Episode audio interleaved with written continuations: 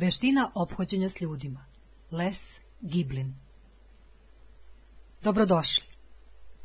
Veština ophođenja s ljudima je najdragoceniji od svih čovekovih talenata. Vaša veština ophođenja s ljudima određuje kvalitet vašeg poslovnog, porodičnog i društvenog života. Znanje i tehnike izložene u ovoj knjizi u velikoj meri će unaprediti vašu veštinu ophođenja s ljudima. Primenite ih Pričinjava mi veliko zadovoljstvo što ću vam pomoći u ovoj veoma značajnoj oblasti. Srećno. Les Giblin Razumevanje ljudi i ljudske prirode Kada istinski razumete ljude i ljudsku prirodu, kada spoznate zbog čega ljudi čine one stvari koje čine, kada shvatite kako i zašto ljudi reaguju pod izvesnim okolnostima, tada i samo tada ćete moći da postanete čovek koji znalački njima upravlja. Razumevanje ljudi, njihove prirode, jednostavno podrazumeva uvažavanje ljudi takvih kakvi oni jesu, a ne onakvih kakvim ih vi smatrate, niti onakvim kakvim biste vi želili da oni budu. A kakvi su oni? Ljudi su, pre svega, obuzeti sobom, a ne vama. Formulišimo ovu misao drugačije. Drugi ljudi su deset hiljada puta više zainteresovani za sebe nego za vas. I obrnuto, vama je više stalo do vas samih nego do bilo koje druge osobe na svetu. Zapamtite da se drugi ljudi u svojim postupcima uvek rukovode mišlju o sebi i o sobstvenom interesu. Ovo obeležje je kod ljudi izraženo u tolikoj meri da je suštinska ideja dobročinstva zapravo satisfakcija ili zadovoljstvo koje dobročinitelj osjeća usled samog čina darivanja, a ne blagodeti koje će drugima taj dar doneti. Ta stvar po značaju dolazi na drugo mesto. Ne morate da iznalazite izgovore, niti da se osjećate neprijatno zbog spoznaje da su ljudi po prirodi sebični. To je oduvek tako bilo i tako će biti dokle god postoji sveta na zemlji. Svi smo mi slični u tom pogledu. Ovo saznanje da su ljudi pre svega obuzeti sobom, pruža vam polaznu pretpostavku u pogledu toga kako treba da se ophodite sa njima. To vam također uliva snagu i čini vas umešnim u načinu ophođenja s drugima. U narednim poglavljima ćete se upoznati sa tim koliko uspešnih tehnika proizilazi iz ovog razumevanja od životnog značaja da shvatite da je ljudima pre svega stalo do njih samih, a ne do vas. Kako razviti veštinu vođenja razgovora sa ljudima? Kad razgovarate sa ljudima, odaberite najinteresantniju temu na svetu o kojoj ćete pričati. Koja tema ime najinteresantnija? Oni sami. Kada sa njima razgovarate o njima samima, oni će biti duboko zainteresovani i potpuno fascinirani. Zbog toga će o vama imati dobro mišljenje. Kada sa drugima pričate o njima samima, vi uspostavljate pravi kontakt. Postupate u skladu sa ljudskom prirodom. A kada sa ljudima pričate o sebi, uspostavljate kontakt na pogrešan način. Jer radite protivno zakonima ljudske prirode. Izbacite ove četiri reči iz svog rečnika. Ja, mene, moje, moji. Ove četiri reči zamenite jednom rečju, najmoćnijom rečju koju čovjek uopšte može izgovoriti. Vi. To jest, ovo je za vas. Ako vi budete to uradili, vi ćete profitirati. Ovo će pričiniti zadovoljstvo vašoj porodici. Vi ćete od toga imati dvostruke korist i tako dalje. Ukratko, ako vi budete prestali da pronalazite zadovoljstvo u tome da pričate o sebi samima, i to upravo ono zadovoljstvo koje ste vi osjećali dok ste izgovarali ja, mene, moje, moj, vi ćete postati daleko efikasniji, uticajniji i moćniji kao ličnost. Mora se priznati da to nije nimalo lako, za to je potrebno predano vežbati i rezultati će biti vredni truda. Drugi dobar metod primjene ove opšte zainteresovanosti ljudi za same sebe tokom razgovora sastoji se u tome da ih ohrabrite da pričaju o sebi. Otkrićete da ljudi radije pričaju o sebi nego o bilo kojoj drugoj temi. Ako izvršite manevar tako da navedete ljude da pričaju o sebi, veoma ćete im se dopasti. A to ćete postići zapitkujući ih stvari o njima samima. Kao na primjer. John, kako je vaša porodica? Kako se vaš sin snalazi u vojsci? Gde živi vaša čerka od kako se udala? Koliko dugo ste radili za tu kompaniju? Da li je to slika vaše porodice? Da li ste lepo putovali? Meri, da li i vaša porodica ide sa vama? Većina nas nije efikasna zato što smo isuviše preokupirani sobom i neprestanom potrebom da pričamo o sebi. Ono što treba stalno da imate na umu jeste to da nije u tolikoj meri bitno da li se vama dopadaju vaše primjedbe ili teme, već kako se one dopadaju vašim slušalcima. Dakle, kada pričate sa drugima, pričajte o njima i ohrabrite ih da pričaju o sebi. Upravo na taj način možete postati najinteresantniji sagovornik. kako da učinite da se drugi ljudi osete važni Najuniverzalnije obeleže ljudi, obeležje koje i sami posjedujete i koje krasi sve ostale ljude, jeste želja da budu važni, priznati i poštovani. Zato, da biste uspešno komunicirali sa drugim ljudima, potrudite se da se osete važnim. Zapamtite da će se ljudi prema vama obhoditi upravo onoliko lepše koliko budete činili da se oni osete važnim i poštovanim. Svako želi da se drugi ljudi prema njemu ponašaju kao prema važnoj ličnosti. Na tome se zasniva navika azijata da bi trebalo čuvati obraz. Niko ne želi da bude tretiran sa nipodaštavanjem. I onda kada osjeti da ga drugi ignorišu ili pričaju sa visine, i sam uzvraća istom merom. Imajte na umu, druge osobe su sebi važne isto toliko koliko ste vi važni samom sebi. Ophođenje u skladu sa ovim saznanjem je jedan od kamena temeljaca uspešnih međuljudskih odnosa. Evo saveta u vezi sa tim kako ljudima ukazati posebno poštovanje i doprineti tome da se osjećaju značajni. Pod 1. Slušajte ih. Oslušajte poglavlje 5 kako razviti umeće pažljivog slušanja ljudi. Ukoliko odbijete da saslušate druge ljude, to predstavlja upravo najsigurniji način da učinite da se osjećaju manje vrednim i znak da ih tretirate sa nepoštovanjem. Najbolji način da ih učinite važnim jeste da ih pažljivo slušate. Po dva. Pohvalite ih i upućujte im komplimente uvek kada to zasluže. U tome budite potpuno iskreni. Po tri, Obraćajte im se imenom i opisujte ih što je češće moguće. Obraćajte se ljudima po njihovom imenu i opisujte ih.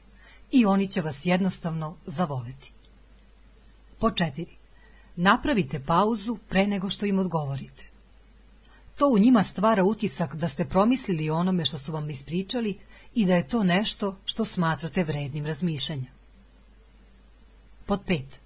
Koristite njihove reči, vi i vaš, a ne ja, meni, moje, moj. Pod šest. Zahvalite ljudima koji čekaju da se sastanu sa vama. Ako moraju da sačekaju, dajte im do znanja da ste svesni toga i da ih molite da vas sačekaju. To je gest kojim pokazujete da ih uvažavate. Pod sedam obratite pažnju na svakog u grupi. Ne obraćajte pažnju samo na lidera ili govornika te grupe. Grupa se zastoji od više članova. Kako da uspešno usaglasite mišljenje sa drugim ljudima? Jedan jedini i najvažniji korak koji možete preduzeti kako biste uspešno komunicirali sa drugima jeste da ovladate umećem da budete pomirljivi. Istina, ovo je jedan od bisera mudrosti našeg doba. Verovatno vam u životu ništa neće toliko pomoći kao ova lako primenljiva tehnika pomirljivosti. Nemojte nikada u životu da zaboravite da samo budala može da bude sve vreme nepomirljiva sa drugim ljudima. Potrebno je da čovek bude mudar, razborit i pun razumevanja da bi se složio sa mišljenjem druge osobe, posebno u onim situacijama kada ta osoba nije u pravu. Umeće pomirljivosti sastoji se iz šest koraka. Prvi, naučite da budete pomirljivi, da se slažete sa ljudima. Dovedite sebe u takvo psihičko stanje. Razvijte pomirljiv stav. Razvijte pomirljivu prirodu. Spontano izražavajte svoj pomirljiv stav. 2. Recite ljudima kada se slažete sa njima. Nije dovoljno da budete samo pomirljivi sa ljudima. Dajte im do znanja da se slažete sa njima. Klimnite glavom da dok im budete gledali u oči i recite ja se slažem sa vama ili vi ste u pravu. 3. Nemojte reći ljudima da se ne slažete s njima, osim u slučaju kada je to apsolutno neophodno. Ako ne možete da se složite sa njima, što vam se može često dešavati, nemojte im to saopštiti osim u slučaju ako je to zaista neophodno. Bićete zadivljeni koliko redko ćete se naći u toj situaciji. Četiri. Priznajte kada niste u pravu. Kad god niste u pravu, izgovorite to naglas. Grešim, pogrešio sam i tako dalje. Potrebno je da čovjek smogne snage da postupi na ovaj način. Ljudi se dive svakome ko uspe da to uradi. Prostačna osoba će lagati, poricati svoju grešku ili smišati alibi. Pet. Uzdržite se od raspravljanja. Najslabija poznata tehnika u ljudskim odnosima je raspravljanje. Čak i ako ste u pravu, ne raspravljajte se. Niko ne može raspravljanjem da pobije argumente, niti da nadmudri druge. 6. Na pravi način izađite na kraj sa ratobornim učesnicima rasprave. Ratoborni učesnici rasprave žele samo jedno, borbu. Najbolja tehnika pomoću koje ćete uspješno izaći na kraj sa njima jeste da odbijete da učestvujete u borbenoj raspravi. Oni će protestovati, gneviti se i na kraju će odustati. Ovo su razlozi koji se kriju iza umeća pomirljivosti. Pod A. Ljudi vole one koji se slažu sa njima. Pod B. Ljudi ne vole one koji se ne slažu sa njima. Pod C. Ljudi ne vole one koji im protivreče. Kako razviti umeće pažljivog slušanja ljudi? Što više budete slušali, to ćete postajati sve pametniji, omiljeniji i efikasniji u komunikaciji. Pažljiv slušalac često u pogledu osvajanja simpatija drugih ljudi prevazilazi dobrog sagovornika. To se dešava zbog toga što pažljiv slušalac uvek dopušta ljudima da slušaju njihovog omiljenog govornika njih same. Postoji malo stvari u životu koje će vam više pomoći od toga da postanete pažljiv slušalac. Međutim, do toga da postanete pažljiv slušalac ne dolazi se slučajno. Evo pet pravila koja odlikuju dobrog slušalca. Prvo, svog sagovornika gledajte u oči. Svaki čovjek koji je vredan toga da ga saslušate, vredan je i toga da ga gledate. Drugo, nagnite se prema sagovorniku i slušajte ga pažljivo. Ostavite utisak da ne želite da propustite ni jednu jedinu njegovu reč. Treće, postavljajte pitanja. To kod osobe koja govori stvara utisak da je slušate. Postavljanje pitanja je daleko efikasnije od laskanja. Četvrto, držite se sagovornikove teme i ne prekidajte ga. Ne menjajte temu osobe sve dotle dok ne završi izlaganje bez obzira na to koliko ste obuzeti željom da započnete novu. Peto. Upotrebite omiljene reči osobe koja govori, vi i vaše. Ako upotrebite ja, mene, moje i moj, vi prebacujete težište sa sagovornika na sebe. To je razgovor, a ne slušanje. Zapazit ćete da ovih pet pravila ne predstavljaju ništa više osim učtivosti ali vam se učtivost ni u jednoj drugoj situaciji neće toliko isplatiti kao kada budete pažljivi slušalac. Kako da pozitivno utičete na ljude? Prvi krupan korak u pogledu toga da navedete ljude da čine one stvari koje vama odgovaraju jeste da saznate šta je to što će ih na to navesti. Kada saznate šta ih motiviše, raspolagat ćete podatkom o tome kako da ih pokrenete. Svi se mi razlikujemo. Volimo različite stvari. Različito vrednujemo stvari. Nemojte pogrešno zaključiti da se drugim ljudima dopada ono što se vama dopada ili da teže istim onim stvarima kojima vi težite. Saznajte čemu teže, šta im se dopada. Tada možete da ih pokrenete govoreći im ono što žele da čuju. Jednostavno im pokažite kako mogu dobiti ono što žele, radeći ono što vi želite da rade. Ovo je velika tajna uticajnih ljudi. To znači da svojim rečima pogađate metu, ali je prethodno naravno morate precizno odrediti. Kao primjer kako ovaj princip počinje da funkcioniše, pretpostavimo da ste poslodavac i da pokušavate da nagovorite nekog inženjera da pređe da radi kod vas. Znate da mu je nekoliko drugih kompanija ponudilo isto radno mesto. Primenjujući princip saznajte šta ljudi žele, prvo ćete odrediti čemu teži dotični inženjer u okviru tog radnog mesta i kompanije i šta njemu najviše odgovara. Ako ste došli do saznanja da je u pitanju prilika za unapređenje, ukazat ćete mu na to kakva prilika za unapređenje mu se tim radnim mestom pruža. Ako tragaju za sigurnošću, onda ćete pričati o sigurnosti. Ako tragaju za daljim obrazovanjem i sticanjem iskustva, pričajte o tome. Stvar je u tome da bi trebalo da otkrijete čemu teže i potom im ilustrujete kako bi do tog cilja mogli da dođu radeći ono što vi želite. To jest da dođu u vašu firmu i rade za vas. Da biste ovaj princip pokrenuli u suprotnoj situaciji, pretpostavimo da se prijavljujete na konkurs za posao koji želite da obavljate. Prvo ćete istražiti neophodne sposobnosti, dužnosti i odgovornosti kako biste mogli da im demonstrirate da možete da ispunite njihove potrebe i očekivanja. Ako im je potrebna osoba koja treba da kontaktira sa mušterijama putem telefona, trebalo bi da im spomenete da umete da poslujete sa mušterijama na taj način. Nakon što saznate šta traže od vas, umećete i da prilagodite svoj način izražavanja tako da pričate ono što im najviše odgovara i što žele da čuju.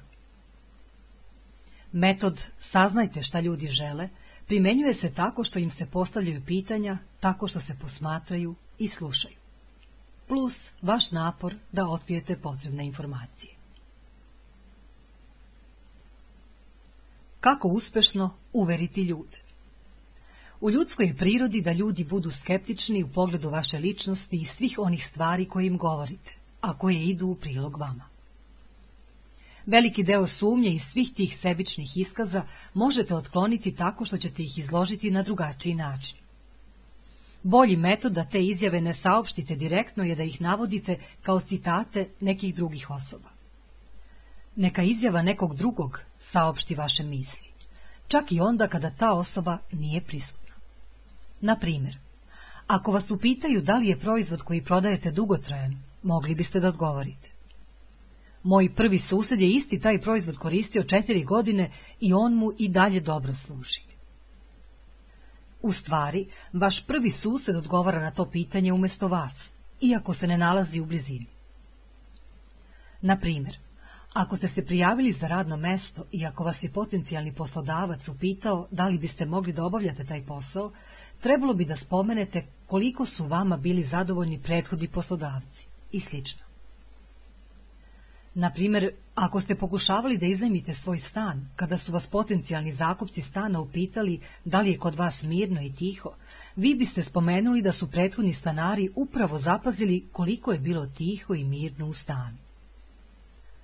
U svim ovim primjerima ne odgovarate vi na to raspitivanje niti na pitanja.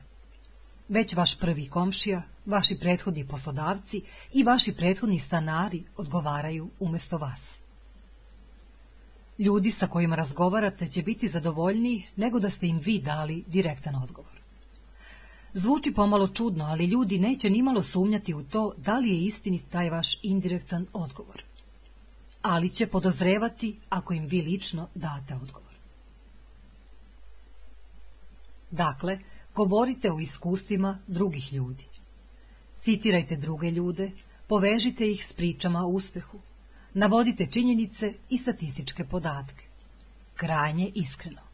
Nemojte nikada da lažete.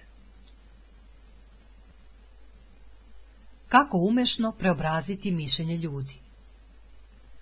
Potrebno je mnogo više od čiste sreće, nagađanja ili čudi da biste ljude naveli da kažu da.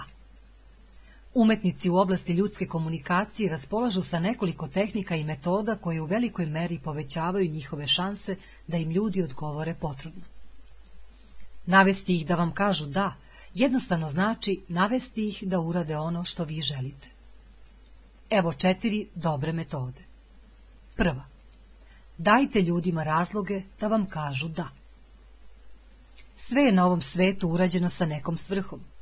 Zato, kada želite da neko nešto uradi, navedite mu razlog zbog kojeg bi to trebalo da uradi. Međutim, potrudite se da razlozi koje im dajete zapravo budu njihovi razlozi, što znači razloge koji idu njima u korist. Pogrešan način bi se sastojao u tome da im pružite one razloge koji bi išli vama u prilog ili od kojih biste vi lično imali korist. Ukratko, recite ljudima da će lično profitirati radeći to što vi želite da urade, a ne da ćete vi na taj način imati ličnu korist. Druga, postavljajte pitanja na koja mogu da odgovore sa da. Kada pokušavate da navedete ljude da vam kažu da, prvo ih dovedite u takvo psihičko stanje da vam odgovaraju potvrdno. To ćete postići postavivši im dva ili tri pitanja na koje će vam odgovoriti sa da. Vi želite da vaša porodica bude srećna, zar ne? Naravno da to žele. Vi želite da imate što više novca, zar ne? Naravno da žele. Pitanje na koje se odgovara sa da je pitanje na koje se jedino može odgovoriti sa da. Ideja koja se krije iza pitanja na koje se odgovara sa da sastoji se u tome što onda kada ljude dovedete u takvo stanje uma u okviru kojeg daju potvrdne odgovore, povećavate šansu da se slože sa vama. Međutim, budite sigurni da na ispravan način postavite pitanja na koja se odgovara sa da. To jest, potvrdno klimate glavom da dok postavljate pitanja i svako pitanje započinjete u vi. Vi želite najbolji proizvod, zar ne? Klimajte glavom u znak potvrde. Vi želite sigurnu budućnost, zar ne? Klimajte glavom u znak potvrde. Treća. Pružite ljudima šansu da biraju između dva potvrdna odgovora. To jednostavno znači da dopustite ljudima da biraju da vam odgovore da na jedan ili drugi način. U oba slučaja potvrdan odgovor je njihov izbor. Izuzetno je preporučljivo da im pružite mogućnost da biraju između da i ne, što se dešava onda kada ih zamolite da nešto urade. Da znači da će to uraditi, ne označava da to neće uraditi. Umeće se zastoji u tome da im pružite mogućnost da biraju između onoga što vi želite da oni učine na ovaj ili onaj način. Na primjer, ako vi želite da se sastanete sa gospodinom Smithom, da li bi vam odgovaralo danas popodne, gospodine Smith, ili vam više odgovara sutra ujutru ili popodne? Vi gospodinu Smithu pružate mogućnost da bira termin vašeg susreta, izbor između dva da. Najneefikasniji način bio bi da ga zamolite za sastanak. Na taj način mu dajete šansu da bire između da i ne. Primjer. Da li želite crno ili belo? A ne, da li želite jednu od ovih boja? Dakle, vi želite da počnete da radite sutra ili utorak. A ne, da li želite da počnete da radite? da li ovu robu želite da platite karticom ili gotovinom, a ne da li želite da kupite ovu robu. Ovaj metod neće uvek funkcionisati, ali će biti delotvoran u velikom broju situacija. I funkcionisat će daleko bolje nego da ljudima date šansu da biraju između potvrdnog i negativnog odgovora. Četvrta. Očekujte da vam ljudi kažu da i dajte im do znanja da od njih očekujete potvrdan odgovor. Kada od ljudi očekujete potvrdan odgovor, reč je o samopouzdanju. Međutim, ovo i prevazilazi granice samopouzdanja, idući jedan korak dalje. Dajte im do znanja zračeći kategoričnim stavom da se od njih očekuje da kažu da. Gotovo svi ljudi započinju neutralnim stavom, tako da se njim može upravljati. Mnogi nikada ne dolaze u sumnju, niti se kolebaju, u pogledu toga da urade ono što želite kada im jednom pokažete da se to od njih očekuje. Ovo je izvanredna psihologija koja je vrlo lako primenljiva u praksi nakon prvih nekoliko uspeha. Kako vešto zadobiti simpatije ljudi? Možete učiniti da se istog momenta svidite devetorici od deset ljudi. Za jedan jedini sekund devet od deset ljudi možete učiniti učtivim, kooperativnim i prijateljski nastrojenim pomoću iste magije. Evo na koji način. Prvo, tako što ćete se setiti da prvih nekoliko sekundi bilo kojeg odnosa obično određuje njegov ton i atmosferu. Drugo, zatim ćete primeniti drugi osnovni zakon ljudskog ponašanja. Ljudi su veoma skloni tome da spontano reaguju na ponašanje drugih ljudi. Da sažmemo to u rečenicu ljudi su veoma skloni tome da spontano reaguju. Dakle, u prvoj sekundi, onog momenta kada po prvi put uspostavite kontakt očima i pre nego što bilo šta izgovorite i prekinete tišinu, iskreno se osmehnite ljudima. Šta će se dogoditi? Oni će reagovati spontano, uzvratiti vam osmehom i biti prijatni. U svakom gestu, u ljudskim odnosima, u kontaktu između dve osobe stvara se atmosfera, raspoloženje, scena. Umeće se u ovom slučaju sastoji u tome da stvorite atmosferu, raspoloženje i scenu. Atmosferu ćete stvoriti ili vi ili druga osoba. Ako ste mudri, izgradit ćete atmosferu u vašu korist. Jedna od tragičnih činjenica ljudskih odnosa je u tome što ljudi ne uspevaju da shvate da im se upravo ono što pružaju drugim ljudima zapravo vraća. Ako zračite vedrinom i pozitivnošću prema drugim ljudima, i oni će vas obasjati istim tim vedrim i pozitivnim raspoloženjima. Zračite li negativnim i tmurnim raspoloženjem, ljudi će vam uzvratiti istom merom. Ključ se sastoji u osjećanju za pravi trenutak. Osmeh bi trebalo da prethodi pauzi ispunjenoj tišinom. To stvara jednu toplu i prijateljsku atmosferu. Važni su i ton vaše glasa i izraz lica, jer oni otkrivaju vaše duboke misli. Nemojte zaboraviti da se nasmešite na isti način kako to čine profesionalni zabavljači i modeli tako što ćete tiho, da ne čuje niko, izgovoriti. Cheese! To stvarno deluje. Kako pravilno pohvaliti ljude? Ljudi ne žive samo od hleba. Isto tako kao što je ljudima potrebna hrana za telo, potrebna im je i duhovna hrana. Možete li da se setite kako se osjećate kada vam drugi upute lepu reč ili kompliment? Setite se koliko vas lepa reč i kompliment čine vedrim tokom celog dana ili večeri. Sećate li se koliko traje to lepo raspoloženje? dobro. I drugi reaguju na isti način kao i vi. Zato recite neku lepu reč koju ljudi žele da čuju. Oni će vas voleti zbog tih lepih reči koje ste im uputili, a i vi ćete se osjećati lepo što ste ih izgovorili. Velikodušno hvalite druge. Potražite nekoga ili nešto što bi trebalo da nagradite i onda to učinite. Ali, poda da, pohvala mora biti iskrena. Ako nije iskrena, onda je nemojte ni uputiti. Pod B. Pohvalite postupak, a ne osobu. Pohvalivši postupak izbegavate neprijatnost i zbunjenost. Takav čin ima daleko iskreniji prizvuk. Izbegava optužbe da favorizujete pojedince i stvara posticajnu atmosferu da takvih uspešno obavljenih poslova bude još više. Na primjer, John izvanredno si obavljao posao tokom prošle godine a ne John, ti si dobar čovek. Mary, sjajno si uradila godišnji izveštaj krajem godine. A ne, Mary, ti si sjajan radnik. Gospodine Smith, vaš travnjak i vrt su jednostavno predivni. A ne, gospodine Smith, vi radite naporno. Učinite pohvalu specifičnom za datu priliku. Naglasite ono što je jedinstveno za nju.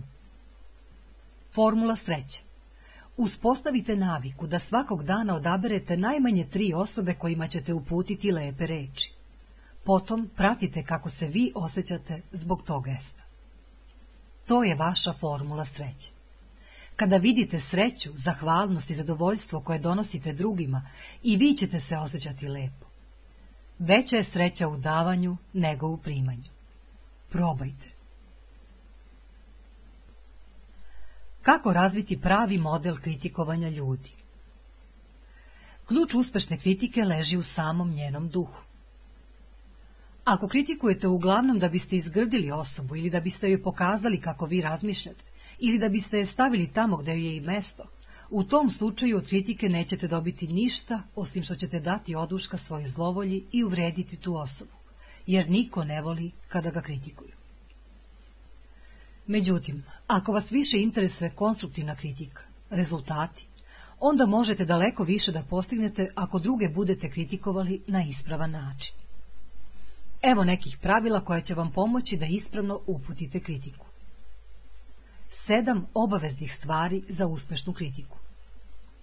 Prvo, kritika mora biti upućena samo onda kada ste nasamo sa tom osobom. Zatvorite vrata ne podižite ton. To niko ne treba da čuje. Drugo, lepa reč ili kompliment treba da prethode kritici. Stvorite prijateljsku atmosferu. Ublažite udarac. Poljubite ih pre nego što ih nokautirate. Treće, učinite da kritika ne bude lična. Kritikujte postupak, ne osobu. Trebalo bi kritikovati postupak, a ne osobu. Četvrto, obezbedite odgovor. Odgovor podrazumeva preporuku ispravnog načina rada. Kada nekome kažete da nešto radi na pogrešan način, također bi trebalo da mu objasnite kako bi trebalo da obavlja taj posao. Peto, zamolite za kooperaciju. Nemojte to zahtevati. Istina je da ćete uspostaviti bolju saradnju sa ljudima ako ih za to zamolite, nego kada to zahtevate. Zahtevanje je posljednje sredstvo. Šesto. Jedna kritika po prekršaju. Najopravdanija kritika može se uputiti samo jednom. Sedmo. Završite kritiku prijateljskim tonom. Završite primetbom. Mi smo prijatelji, rešili smo naše probleme, a sad radimo zajedno i pomozimo jedan drugome. A ne primetbom. Dobio si prekor, a sad nazad na posao.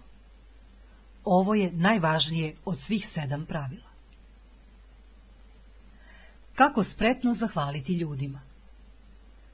Nije dovoljno samo da se osjećate zahvalnim i punim poštovanja prema ljudima, već bi trebalo da iskažete tu zahvalnost i poštovanje onima koji ih zaslužuju.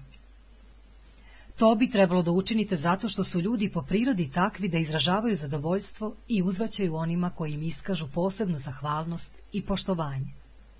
Oni reaguju tako što postaju sve bolji u obavljanju svog posla. Ako ste zahvalni ljudima i ako im to i pokažete, gotovo uvijek će se desiti da će sljedeći put pokazati još bolje rezultate i da će se još više truditi. Ako im ne iskažete zahvalnost, postoje velike šanse da se nadalje neće toliko truditi ili da ćete morati da se zadovoljite slabijim rezultatima. Međutim, postoji pravo umeće izražavanja zahvalnosti u rečima. Hvala vam. Pod jedan, Kada izgovorite hvala vam, onda to zaista i mislite. Iskreno zahvalite ljudima. Ljudi će znati kada ste istinski zahvalni. Oni također znaju kada niste iskreni. Po dva, Recite to jasno i razgovetno. Kada zahvaljujete ljudima, nemojte šaputati niti nejasno izgovarati reči. Recite hvala tako kao da vam je drago što to izgovarate. Po tri. Gledajte u oči ljude kojima se zahvaljujete. Kada ljudima gledate u oči dok im zahvaljujete, to poprima daleko veći značaj. Svako ko je vredan toga da mu zahvalite vredan je i da ga pogledate u oči. Po četiri. Zahvalite se ljudima po imenu. Čin zahvaljivanja učinite ličnim tako što ćete se toj osobi obratiti imenom. Daleko je drugačije kada kažete Meri, hvala ti, nego hvala ti. Pod pet. Radite na tome da zahvaljujete ljudima. To znači da tragate za prilikama u kojima ćete izražavati svoju zahvalnost. Prosečna osoba će se zahvaliti za ono što je očigledno. Nadprosečna osoba će to učiniti i za ono što nije toliko očigledno. Jednostavno, poput gore navedenih pravila, postoji tek nekoliko tehnika koje su važnije u ljudskim odnosima od sposobnosti da se na prikladan način zahvalite ljudima. To će postati vaše dragoceno, doživotno umeđe. Kako ostaviti dobar prvi utisak? Mi u velikoj meri kontrolišemo mišljenja koje drugi ljudi imaju o nama. Mi smo svakome u početku stranci i njihovo mišljenje o nama u mnogome određuje naše ponašanje. S obzirom na to da nam je to poznato, to od nas iziskuje da se ponašamo na takav način da ostavimo dobar utisak na te ljude. Ako želite da ljudi o vama imaju dobro mišljenje, da se ugledaju na vas i da se trude da zasluže vaše divljenje i poštovanje, morate na njih da ostavite takav utisak da vi zaslužujete takav rejting. To činite prvenstveno time što pokazujete da poštujete i sebe i druge. Ponosite se sobom, time koste čime se bavite, gde radite. Nemojte se izvinjavati zbog svoje životne situacije ili vas samih. Vi ste takvi kakvi jeste, zato zračite ponosom i samopoštovanjem. Naprimjer, kada vas ljudi upitaju čime se bavite, veoma je važno kako ćete im odgovoriti. Pretpostavimo da prodajete osiguranje. U tom slučaju biste mogli da im odgovorite. O, ja sam samo još jedan prodavac polisa osiguranja. Oni svakako neće biti impresionirani vama jer ste im rekli da niste vredni njihovog divljenja. Upotrebljavajući ovo pravilo, zračite ponosom i samopoštovanjem. Pa recite. Imao sam tu sreću da sarađujem sa jednom od najuglednijih kompanija u zemlji, The Blank Insurance Company. Možete da pretpostavite razliku u vrednovanju, vrednovanju druge osobe da je drugi odgovor bolji od onog prvog. Također, pod jedan, Budite iskreni. Klonite se ispraznog laskanja, praznih obećanja i beznačajnih reči. Recite samo ono što stvarno mislite. Verujte u stvari koje izgovarate. Po dva. Ispoljite entuzijazam. Od neprocenjive je vrednosti da posvećeno radite svoj posao i da verujete u njega. Entuzijazam je zarazan. Tek onda kada uspete da prodate sebe i svoja znanja, možete i sve drugo da prodajete ljudima, a nikako pre toga. Po tri, Nemojte da budete prestrašeni. U kontaktima s ljudima izbegavajte da izgledate prestrašeno. Preterana bojažljivost može u ljudima probuditi podozrevanje i sumnje. Ljudi su veoma skloni tome da naglo odbace svaku akciju ukoliko osete da ste isuviše usplahireni da biste radili kod njih. Instiktivno će početi da sumnjaju ili će se teško odlučiti da vas angažuju. Sakrite svoju zabrinutost. Glumite. Po četiri. Nemojte pokušavati da se uzdignete ponižavanjem drugih. Uvek držite do sebe. Ne pokušavajte da izgledate bolje tako što ćete ponižavati druge ljude. Istinski napredak u životu će odrediti samo vaši napori i vaše vrednosti. Ne možete gaziti preko leševa. Usredite se na sebe, a to činite onda kada držite do sebe i svoje vrednosti. Kada ponižavate druge kako biste uzdigli sebe, Stavljate naglasak na njih, a ne na sebe. Pogrešno je ni podaštavati druge, ali to nije glavni razlog zbog kojeg to ne treba da radite. Glavni razlog je u tome što se ni podaštavanja i udarci vraćaju poput bumeranga i povređuju onoga koji ih je uputio. Pod pet, ne upućujte drugima udarac i ne kritikujte ništa.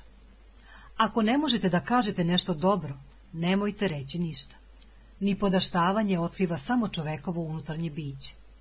Budite mudri, uravnoteženi, ne upućujte udarce drugima. Kako znalački održati govor?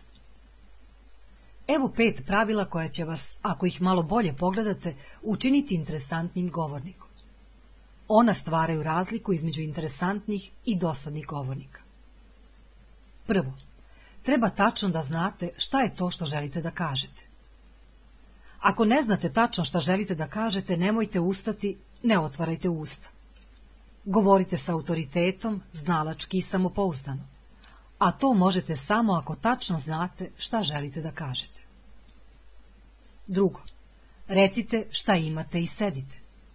Budite kratki u svom izlaganju, precizno iznesite svoj stav i sedite. Zapamtite, Niko nikada nije bio kritikovan zbog toga što je isuviše kratko govorio. Ako drugi budu želeli da kažete još nešto, zamolit će vas za to. Izađite kao pobednik. Treće. Gledajte u publiku dogovorite. Značaj ovog pravila je teško dovoljno naglasiti. Svako ko je vredan toga da mu se obratite, vredan je i toga da ga gledate. Upravo zato govornici koji čitaju svoje govore redko postižu pun efekat. Četvrto, govorite onome što interesuje publiku.